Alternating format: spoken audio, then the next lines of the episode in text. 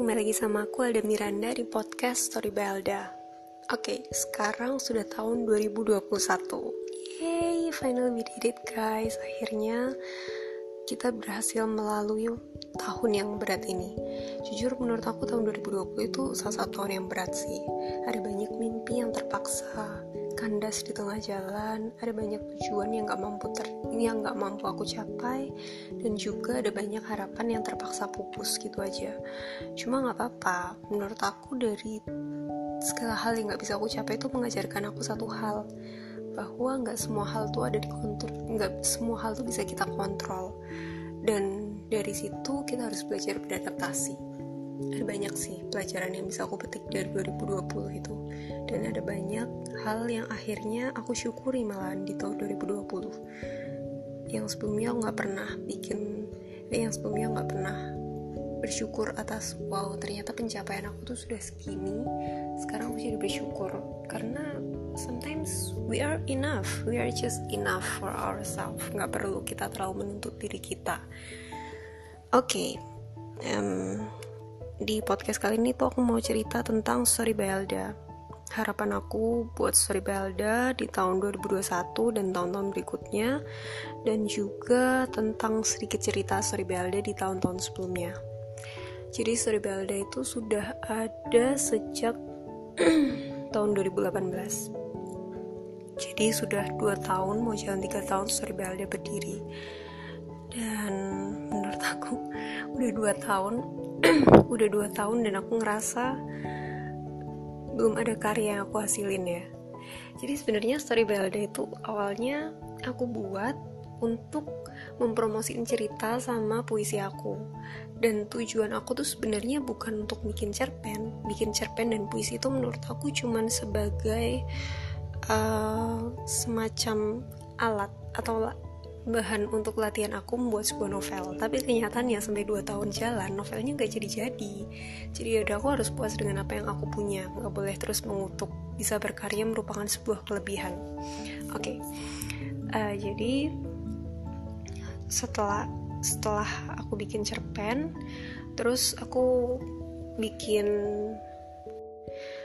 aku bikin Instagram dan aku promosiin cerpen-cerpen aku di Instagram aku. Cuma um, uh, cuma awalnya sih kayak yaudahlah promosiin supaya banyak traffic yang masuk ke website. Cuma seiring berkembangnya waktu lama-lama pikiran untuk mempromosikan cerita itu berubah.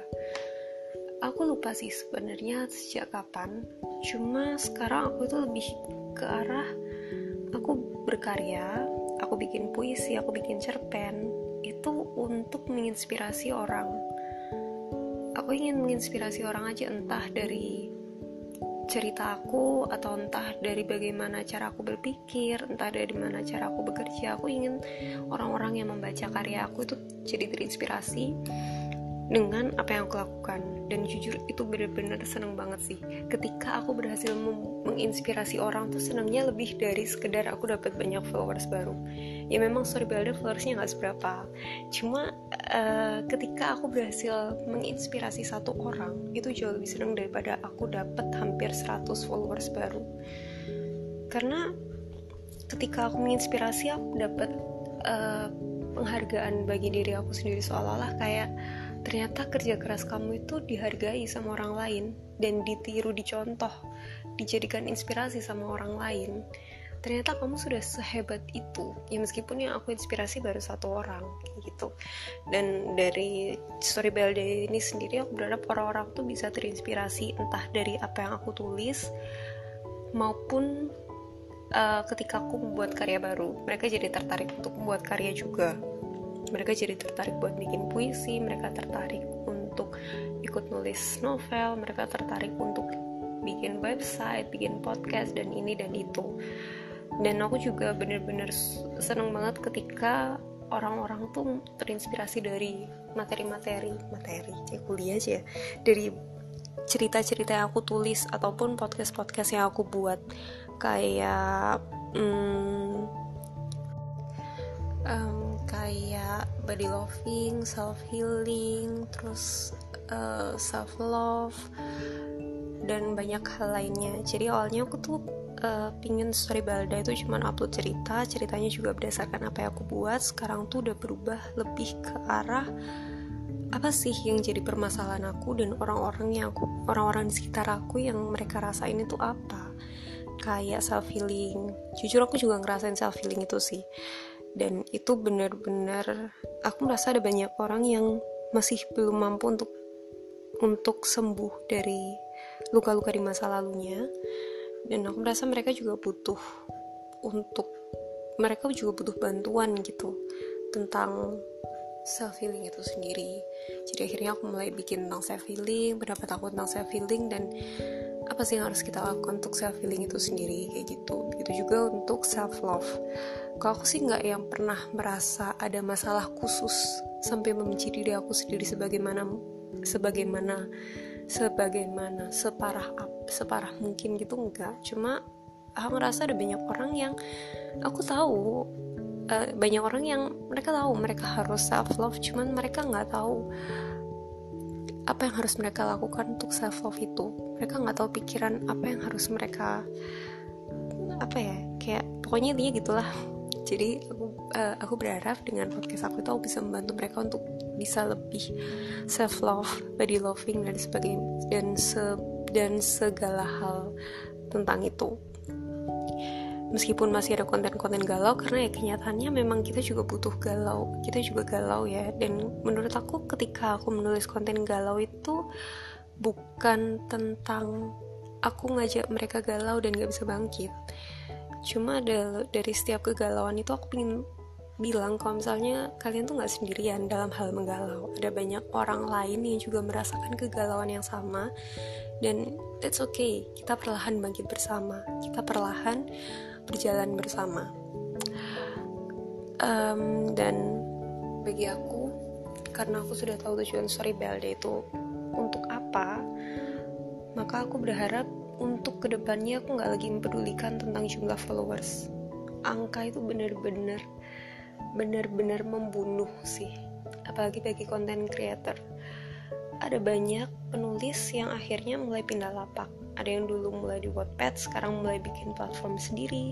Ada yang dia masih di Instagram tapi dia mulai merasa insecure dan merasa kayak down ketika followersnya turun. Sedangkan yang di Wattpad penulis yang di Wattpad itu dia akhirnya bikin platform sendiri karena ketika kamu join sebuah platform kamu tuh bener-bener akan melihat menilai karya kamu tuh dari sebuah angka padahal sebenarnya sebuah karya itu nggak dilihat dari sebuah angka nggak dilihat dari berapa banyak orang yang like dan berapa banyak orang yang komen share save. No.